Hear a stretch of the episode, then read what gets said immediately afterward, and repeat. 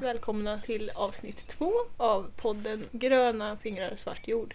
Så himla kul ja! att vi kör ett till. Vi kommer köra många till, men det är roligt att vara igång tycker jag.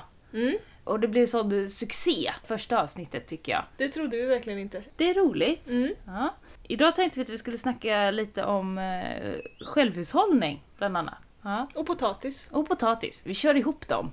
Ja, Har du satt någon potatis i år? jag har satt potatis första varma majdagen som var i lördags, tror jag. Mm. Då började vårt körsbärsträd inte blomma, men nästan. Mm. Och då bara ut med all potatis, nu kan vi inte vänta längre. Du har liksom det som ett riktmärke. När körsbärsträden blommar, då ska potatisen i jorden. Ja, det var någon som sa det till mig. Nu kommer jag inte ihåg vem. Men när körsbärsträden blommar då är det dags att sätta potatis. Ja. Och det fastnade. Mm. Bra grej tänkte jag. Ja, men att det komma var ihåg, bra. liksom. Ja, så att nu eh, vi satte all vår potatis. Det är väl typ 30 kvadratmeter. Nej, 20 kvadratmeter. Mm. Hur många sorter? Sex olika. Vad är det för sorter? Det är amadin, Mm. orla, timo. Den satte jag mycket tidigare. Den satte jag nog första maj tror jag. När det fortfarande var lite frost på nätterna. Men den hade precis börjat få rötter och sen tryckte jag liksom ner den i våran täckodling. Mm. Och sen hoppas jag på det bästa. För den ska tåla kall jord. Mm. Så att vi får se. Jag satte fyra sådana då. Mm.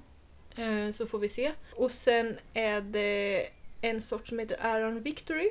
Som är en gammal sort. En höst-vinterpotatis. Mm. Sarpomira och Foxton som ska vara en bra lagringspotatis. Mhm. Så vi får se. Jag gick lite bananas när vi kollade på nätet. Lite va? Ja, det blir lätt så. Nej men ett kilo sett potatis, va? Det är ju ingenting! Nej, jag tar två. Lite så var det. Mm. Mm. Men eh, jag satte inte all potatis. Jag satte den potatisen som har fått riktigt ordentligt med rötter. När Mm. den har fått förgrott. Det som bara hade fått, eh, eller det som inte hade fått rötter, det fick barnen att leka med. Hur går det för dig i odlingen? Just med potatis, Ja. alltså det är ingen potatis i marken än. Det är dåligt. Jag skäms lite. Jag har ju, använder ju potatis för att bryta ny mark oftast. Mm. Också för att det är något jag vill äta. Men när jag ändå gör ett nytt land så blir det att jag sätter potatis där första året. Och nu har vi ett land som vi håller på att anlägga eh, Mm. som ska bli ett perent land nästa år. Sparris ska jag sätta där i år bara för att det tar så lång tid att få fram något ätbart av sparrisen. Men eh, resten ska ju vara potatis och lite pumpa som vi pratade om i förra avsnittet. Att jag har blivit lite galen i pumpa. Så det får också vara där. Men eftersom att jag inte är klar med det här landet än så eh, har det inte kommit ner någonting i jorden men kanske gör det det imorgon. Mm. För att vi fick precis en leverans hit nu när du kom hit. Mm. Så kom det bara en traktor och körde upp här på, på uppfarten. Det är inte varje dag. Med en stor ensilagebal från, eh, från en av eh, grannarna som bor mitt emellan oss. Mm. Och det har jag ju tänkt att det vill jag ju ha och täcka med i eh, potatislandet. Och det är väl lite det jag har väntat på också. Att jag, jag har liksom inte haft tillräckligt med material för att göra det så som jag vill. Men nu har jag ju det. Hur, hur har du satt din potatis? Vi, vi var ju på besök där på Hattsjöhult för ett tag sedan. Mm. Och då berättade Marie där att hon satte ju sin potatis genom att täcka potatislandet med ett jättetjockt lager halm. Då snackar vi liksom, hon var ju en halvmeter gott och väl med halm. Och sen Mm. tryckte hon bara ner potatisen liksom, rakt ner och la den på jorden. Mm. Och då tänkte jag, åh gud vad smart.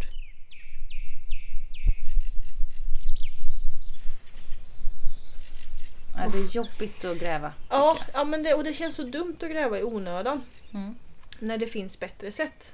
Och sen har jag velat jättemycket. Vart ska jag ha potatisen? Vart ska jag inte ha potatisen? Ska jag lägga den på gräsmattan och bara ösa på grejer? Eller ska jag ha den i det här landet? Men vart ska jag då ha de andra grejerna jag ska odla och sådana saker?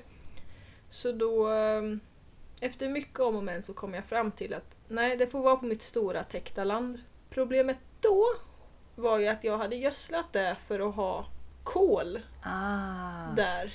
Så det var ganska mycket hästskit och ganska mycket, eller väldigt mycket, en hel jäkla ensilagebal på det där landet Mm. med. Plus hästskiten då, så det var ganska näringsrikt tror jag. Väldigt Mm. mycket så. Och jag vill ju ha potatis, jag vill ju inte ha blast. Nej. Så, så vi gjorde helt enkelt som så att Oskar, min sambo, öste bort täcket, ensilagen och hästskiten. Mhm. Så nu har vi en liten kulle! Fast jag ska inte odla någon pumpa på den, men vi har en liten kulle. Och sen så la jag helt enkelt potatis.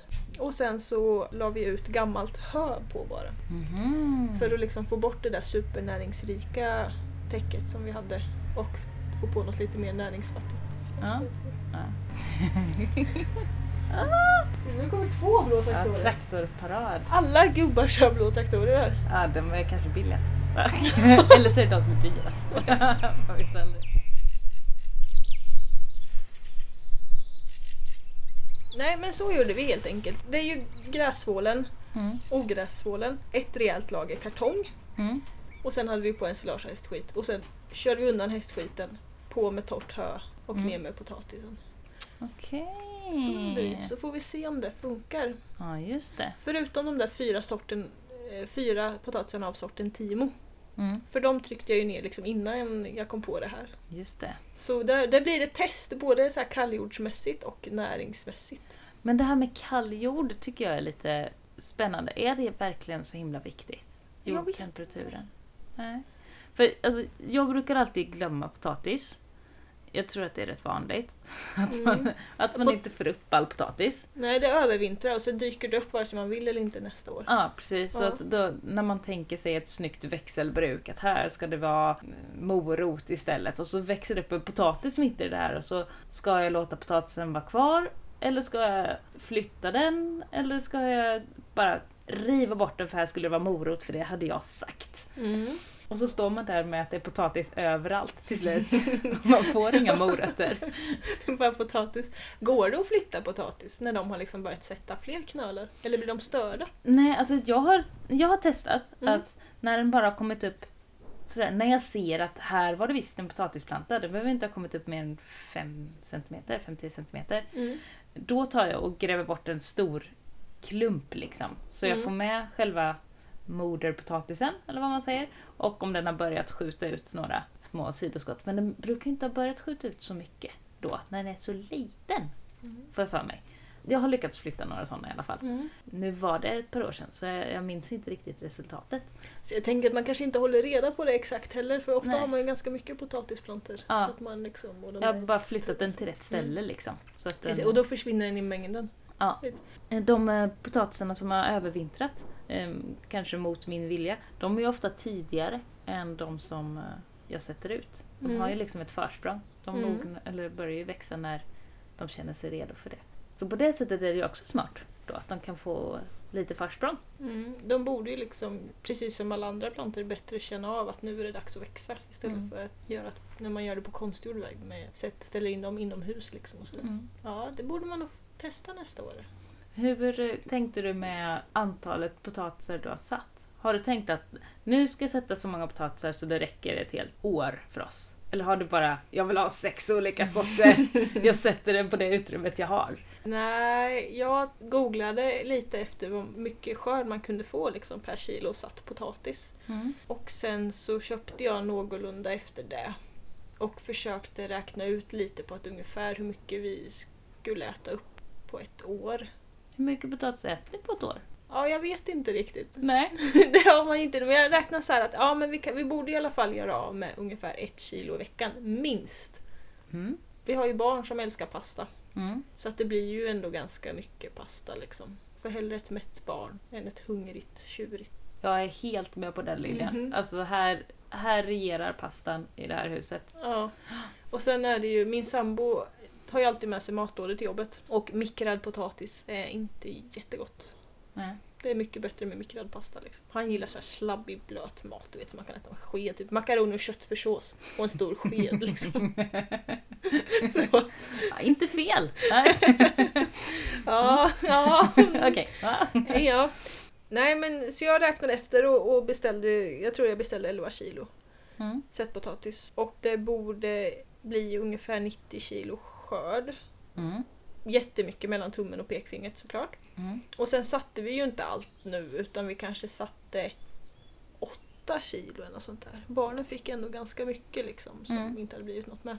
Och sen så får vi väl se. Jag tänkte jag skulle försöka komma ihåg att väga potatisen Mm. och se hur mycket de ger och se hur mycket vi äter. Mm. För mig är så här, grunden i självhushållning är att odla potatis. Mm. Har du potatis och lök och morötter, då har du liksom väldigt mycket basföda fixad. Mm.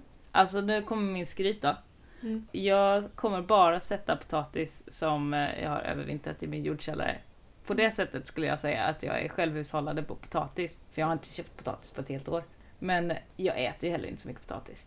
Nej, det Så kan ju att- vara så att du sätter fem potatisar för att ni äter liksom typ potatisgratäng på nyår eller något. Och d- då är är det ju lite fusk, skulle jag säga. Alltså jag fuskar ju i det och säga när jag är självhushållande på potatis. Haha, vilket Men vi skryt! äter ingen potatis. Nej, alltså jo, vi äter ju lite potatis, men vi äter inte så himla mycket. Eh, och sen så tänker jag att ja, men nu har jag ju odlat massa potatis här och då så vill jag att det ska räcka ett helt år och så går man runt och snålar och så äter jag pasta istället, eller ris Mm. istället. Så himla dumt! Mm. Det är Alltså- dumsnålt. Det är jättedumsnålt. Ännu mer dumsnålt när jag är medveten om att jag gör så.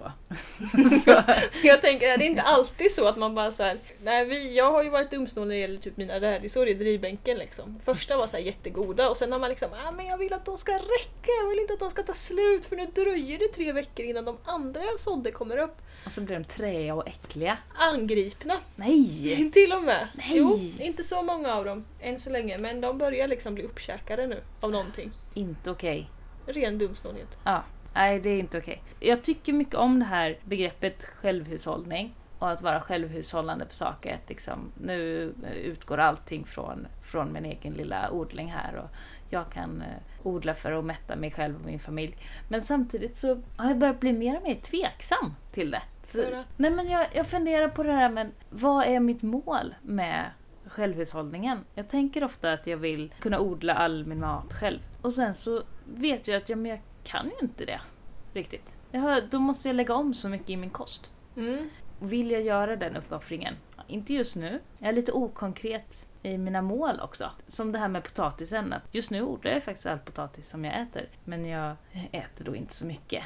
Är det rätt liksom? Och sen är det det där med att jag vill liksom inte riktigt ha en bubbla. Var går gränsen? Är det bara vid maten som man ska vara självhushållande? Eller vill jag också vara självhushållande på, på andra grejer? Så nu har jag ju precis fått en ensilagebal här från en bonde för min odling. Mm. För att odla potatis. Mm. Det vill du inte vara självhushållande på. Nej, jag vill inte odla upp, Ensilage, liksom. nej, precis, jag vill inte odla upp massa täckmaterial. Och jag får ju hästskit från en annan granne liksom. Mm. Är det okej? Jag köper frön. Mm. Vissa frön odlar jag, men inte alla. Långt från alla. De flesta köper jag. Så att ju mer man börjar nysta in sig i det här självhushållarbegreppet, desto svårare blir det ju att uppfylla någon slags eh, mål om att vara i- helt off-grid liksom. Och Mm. låsa in sig i en liten bubbla. Och sen vet man ju också att det här med, man brukar ju säga att ensam är stark, men jag tror inte på det. Inte när det gäller det här, för att om jag då misslyckas något år med min potatisskörd, då så svälter vi och dör. ja, jag ser tidningsrubrikerna liksom. Ja, ja men Nej. så, så att det, det är rätt eh, schysst att ha ett samhälle i ryggen som Mm. liksom stöttar upp en. Och ska jag då ska jag liksom låsa ut mig helt eh, från omvärlden, då får jag liksom ingen post och inget internet och i, i- ingen podd. nej, ingen, nej! Oh Ja. no! Så, ah, jag, jag är dubbel till det. Mm. Jag gillar tanken, men, men ser också problemen med det när man börjar hårdra det liksom. Mm. Ja. Ja, man kan, alltså det funkar ju inte att bara vara i sin bubbla. Om man, om man skulle se varje hushåll som en enhet liksom. Och varje enhet var helt självhushållande på allt själva. Och det de inte kunde liksom skapa själva, det nyttjade man inte. Mm. Då skulle ju fruktansvärt mycket gå förlorat. Mm. Vi är ju tillbaka liksom i medeltiden då. Ja, nästan ännu längre tillbaka. Ja. Jag vet inte, vi blir någon så här... eh, Vi får bli, börja vandra istället kanske. ja, precis. Gräva upp rötter och käka blad och sånt där typ. Ja. Och det är inte eftersträvansvärt. Det är inte eftersträvansvärt. Men jag tänker att den här när man liksom har, kan tillgodose sina basbehov själva. Mm. Eller när man inte är beroende av någon annan för sin överlevnad. Mm. Ja, men att typ veta hur man odlar mat eller att kunna odla en del mat. Mm. Och sen kan man ju såklart bli typ alltså, riktigt duktig på någonting och så kan man liksom nyttja Mm. byteshandel istället. Sådana saker. Nu var ju eh, den här snälla bonden här, ha- han har ju också gett mig en solagebal. Och då min första tanke var ju så här, men gud vad bra, då kan han få några kilo potatis av mig sen. Och sen tänkte jag ett varv till och bara så här, ja fast han är ju grönsaksodlare. Ja, han, Storskalig grönsaksodlare. Mm. han har potatis. Han har potatis. Och då var det någon som bara så här, ja men ge det lite hembakt bröd då. Ja, men de har ett bageri, ett gårdsbageri också. Ja. det, blir så här, det blir lite svårt att vara, nyttja byteshandel tänker jag mot sådana där liksom gamla, gamla rävar. Ja, jag kan ge över ett par stickade vantar i och för sig. Det gjorde jag med en, en annan granne, hon som vi var och hämtade hästskit hos. Jag har också hämtat ull hos henne några gånger Mm. från deras får. Eh, De bara slänger ullen och bränner den för det är köttfår, så det är ingen, eh, ingen fin ull. Men jag är inte så kinkig med det där. Det funkar bra och det som inte funkar bra det använder jag som täckmaterial i odlingarna. Och då så tog jag den ullen och så spann jag av den ullen och stickade en mössa till Mm. henne från hennes egna får. Mm. Det, det var en positiv present. Du, en sån present skulle man väl älska? Ja. Men jag tänker att det är en ganska bra nivå på det här med självhushåll. Liksom. Att det, det finns det här liksom hantverkskunnandet. Det handlar egentligen ganska mycket om att bevara hantverkskunnandet och Mm. inte vara beroende av någon annan. Och att minska sin miljöpåverkan. Mm.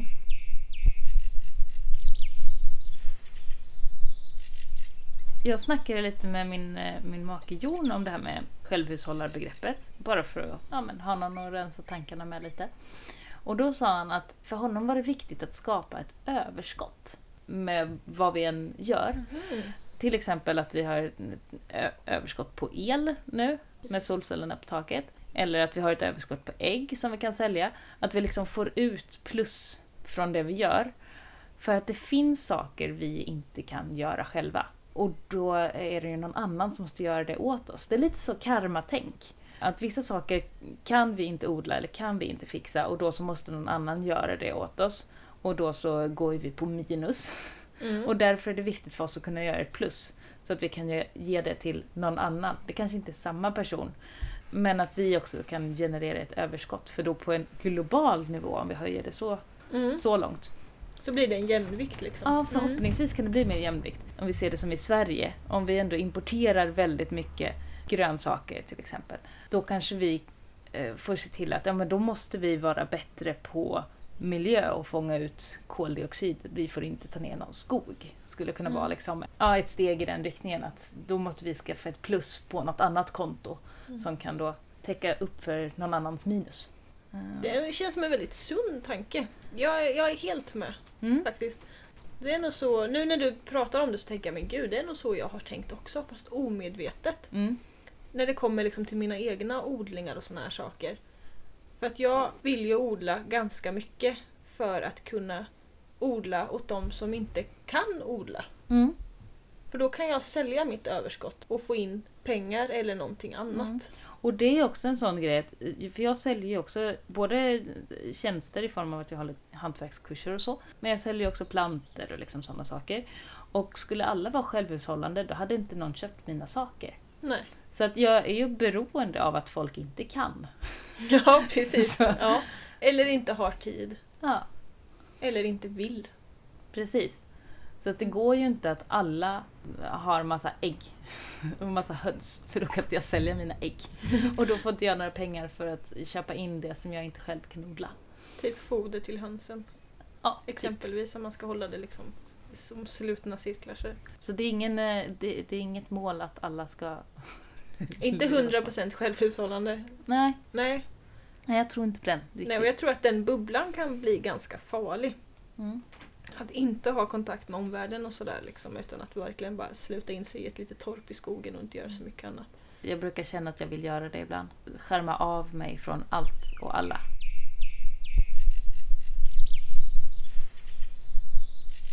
Nu är det ganska lugnt, men tidigare så hade jag ofta den här återkommande känslan av att jag ville... Jag hade liksom en bild i huvudet av ett träd, typ en ek, på en åker. Och det var liksom bara milsvid, platt åker, Mm. flera mil och bara öppen himmel. Det fanns liksom inte en sak förutom det här trädet. Där jag kunde ligga i skuggan i ensamhet och Mm. ingen annan någonstans liksom. Jag typ blundade och så såg jag det där liksom och det bara... Mm, där skulle man... Det var så här drömbilden. Eller hur? Andra så här Mm. bara Ja men en vinkväll med vännerna och jag bara så, här, nej min ensamma ek ute på åkern. ja, men ibland vill man bara bli lämnad i fred liksom. Och då är det rätt skönt att vara här ute. Jag hade en, en kompis som eh, skrev på Facebook för ett tag sedan att det är så skönt på landet för där behöver man inte göra sig snyggare än vad man är. Det tycker jag var roligt. Det behöver man väl inte göra någonstans. Nej men ibland känns det lite så. När jag, Ja. Nej man kan inte gå ut och liksom eh, hämta sin mat i morgonrock.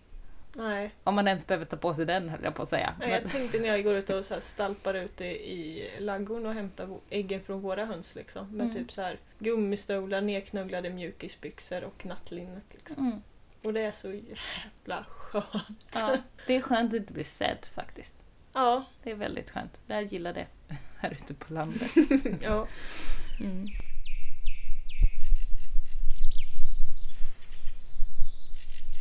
Varje år försöker jag komma fram till att det här ska jag satsa på i år. De här sakerna vill jag försöka bli självförsörjande på i år. Mm. Sitter du och räknar ut hur mycket ni behöver odla? Nej, jag bara maxar. jag bara kör. Och bara, Äter efter skörd. ja, Mm. mina svårigheter är ju att försöka få fram en skörd. Mm. Jag br- har ju sagt det, jag tror jag sa det i förra avsnittet också, att jag brukar ju tröttna någonstans vid midsommar för att ogräsen eh, tar över. De har redan börjat, kampen är igång. Och när jag väl får den här jätteskörden, då blir det ju liksom ett sånt, så då kan jag ju börja fundera. Men nu är ändå målet bara att få fram de här jätteskördarna. Mm. Och sen kan jag oroa mig för hur jag ska kunna äta upp det eller inte. Jag, jag oroar mig inte för det än. För att hittills har det inte hänt. Nej, men, och i år satsar du ju på pumpa. I år satsar jag på pumpa. Och det går ju att lagra länge. Ja, precis. Så det blir kul. Mm. Satsa på pumpa, men jag har också några fler saker. Tomater? Nej, Nej. nej. Alla år är ett tomatår. Jag har alltid väldigt mycket tomater, men jag tänker inte att jag ska vara självförsörjande på det året om. Hur mycket tomater brukar ni... Äter ni upp allt för direktkonsumtion? Eller håller Nej. ni på och fryser in? Och Jag gör fryser grejer? in en del och eh, alltså jag brukar ta tomaterna, slänga in dem i matberedaren, krossa dem och sen så fryser jag det i, Mm. ja, i burkar. Men det räcker ändå inte hela året. Man äter ju efter vad man har också. Mm. Ja, precis. Eh, Tomaterna har jag inte på listan än. Nej. Men jag har vitlök på listan. Det har jag Mm. satt väldigt mycket. Mm. Ja, så det kan gå. Ärtor, märgärt, Mm. har jag på listan. Vad odlar du för sort? Och vad heter den? Alltså det är ju en märgärt. Det är en ärt som eh, går att lagra. Och som också eh, funkar bra till direktkonsumtion. Men Ja. jag minns inte vad sorten För heter. det är ju de frysta ärtorna man köper i affär, det är ju märgärtor. Ja, precis. Så vanliga gröna ärtor liksom. Mm. För det tycker jag skulle vara så himla kul om jag kunde vara självförsörjande på det. Mm. Så den har jag på listan. Bondböna har jag på listan. Mm. Eh, Det äter jag inte jättemycket av. Så Vad gör ni av det? Hittills har det mest varit så här direktkonsumtion. Jag har inte lagrat det så mycket. Mm. Förvälla dem, kanske ha i sallad, ha i liksom röror eller grytor eller... Jag sådde några av dem som jag fick av dig Mm. eh, nu för, för ett par dagar sedan bara. Och jag bara såhär, bondbönor, jag vet inte om jag ens har ätit det någon gång. Nej. Insåg jag då. Nej, det är inte så vanligt. Nej. Men jag gillar ju att odla bönor och ärtor, odla Mm. baljväxter. För att det där får jag ju ett protein. Jag är Mm. ju vegetarian. Så att jag måste ju tänka på det med proteinet hela tiden eftersom jag inte äter kött. Och om jag då kan odla mitt eget protein så är ju det guld. Bondbönorna är en sån sak. Och också äggen. Om Mm. jag tänker att man odlar ägg när man har höns. Eh, Mm. Men det ingår ju i självhushållningen i alla fall. Hönsen har jag ju väldigt stor nytta där. Precis. Både för att de snabbar på vårt kretslopp. Vi ger dem matrester och sen så får vi då ägg och gödsel av det. Eh, Det är mycket snabbare än om vi ska slänga matresterna på komposten. Och sen är de ett trevligt sällskap också. Men ja, vi ska prata mer om höns i ett annat avsnitt. Majs, en sån sak som jag skulle vilja vara självhushållande på. Mm. Majskolvar är jag självhushållande på. Äter man inte heller jättemycket av. Men, eh, Nej. men ändå. Det är ju så jobbigt att äta majskolvar.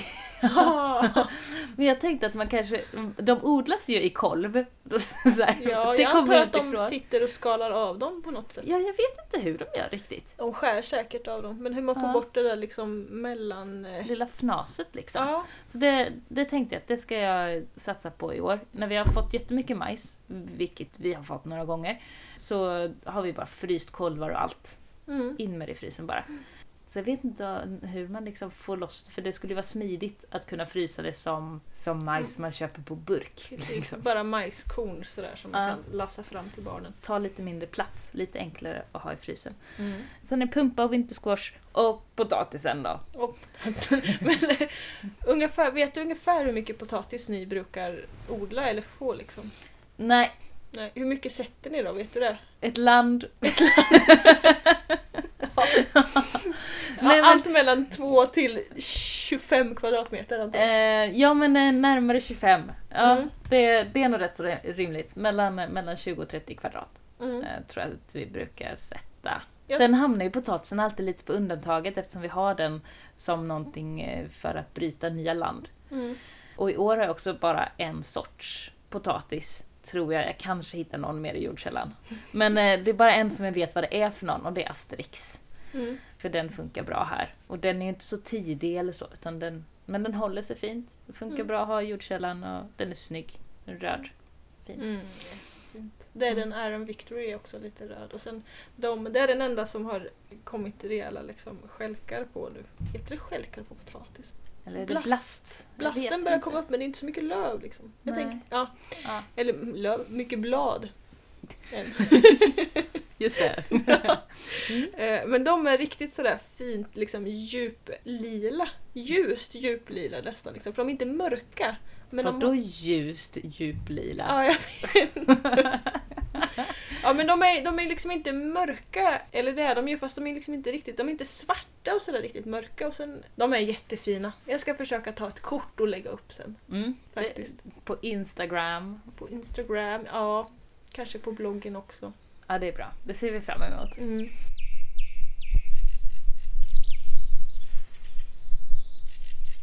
Så det är det du ska bli självhushållande på år. Det var ganska mycket saker. Ja, det brukar vara det i början av året. Då är det jättemycket. Och vissa saker funkar, vissa saker funkar inte. Sen har vi ju eh, andra saker som vi inte odlar, men som vi ändå är lite självhushållande på. Kan man säga så? Vi har en, eh, inte så många äppelträd här som ger äpplen än. Men då åker vi runt till eh, folk runt omkring som har massa äpplen i sina trädgårdar och frågar dem, kan vi eh, få lite äpplen av er? Ofta så är de väldigt glada att bli av med dem. Så cyklar vi hem med cykelkärrorna fulla med äpplen och sen så gör vi eh, massa äppelmos. Vi har äppelmosfabrik här hemma. Mm.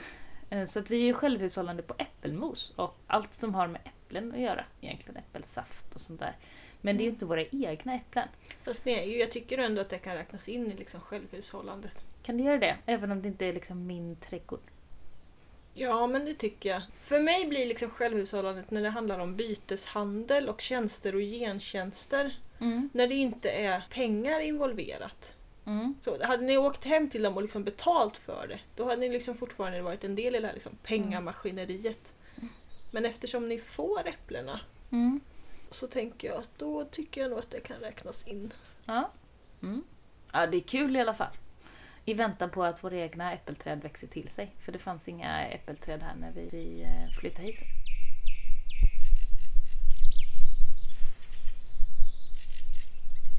Åh, ser ni där borta ett rådjur? På åken där borta på andra sidan vägen. Ser ni att det är en liten prick där? Den går där varje kväll. Har ni också sådana där som går förbi varje kväll? För Mm. Vi har rådjursbockar som gör det. Och eh, harungar. Föräldrarna har vi inte sett på ett tag men vi har två eller tre harungar och de är väldigt nära nu. Kommer de att äta upp något? Ja, Nej! nu kommer de. Nej! Nej! Jo, när jag kom hem från jobbet i förrgår och jag skulle gå och kolla till mina paprikor och chili som jag har planterat ut i pallkrage under fiberduk så höll jag på att ramla över en av de där jävla harungarna. Va? De var alltså inne i trädgården.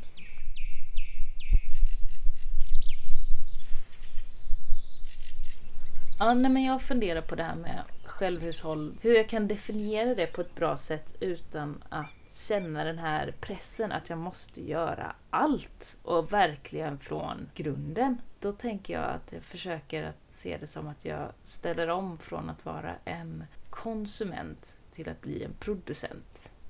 Mm. Att man är med och skapar istället för att bara förbruka. Liksom. Och det Mm. tror jag är ett bra mått för mig. Jo men det tror jag. Jag tror det är ett bra mått för de flesta att ändå tänka att man gör sakerna själv. Oavsett egentligen vad det är. Jag vill bli självhushållande på, på grönsaker. Mm. Ja, vad är dina liksom, har du någon sån lista över det här vill jag bli självhushållande med? Alltså så här, basvaror är det nog faktiskt först och främst. Du sa morot, eh, potatis. Lök, kålrot. Kål av många olika sorter. Vi äter mycket kål. Mm. Älskar kål. Nej men att bli självförsörjande på basgrejer. Och, eh, Mm. Tänker du det i år? Vi får se hur mycket det blir tänker jag. Att vi odlar ju 45 kvadratmeter yta har jag ungefär. Plus lite till för nu gräver vi land för sparris.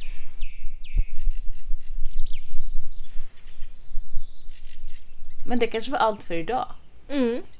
Då var det over and out från växthuset i Tokarp.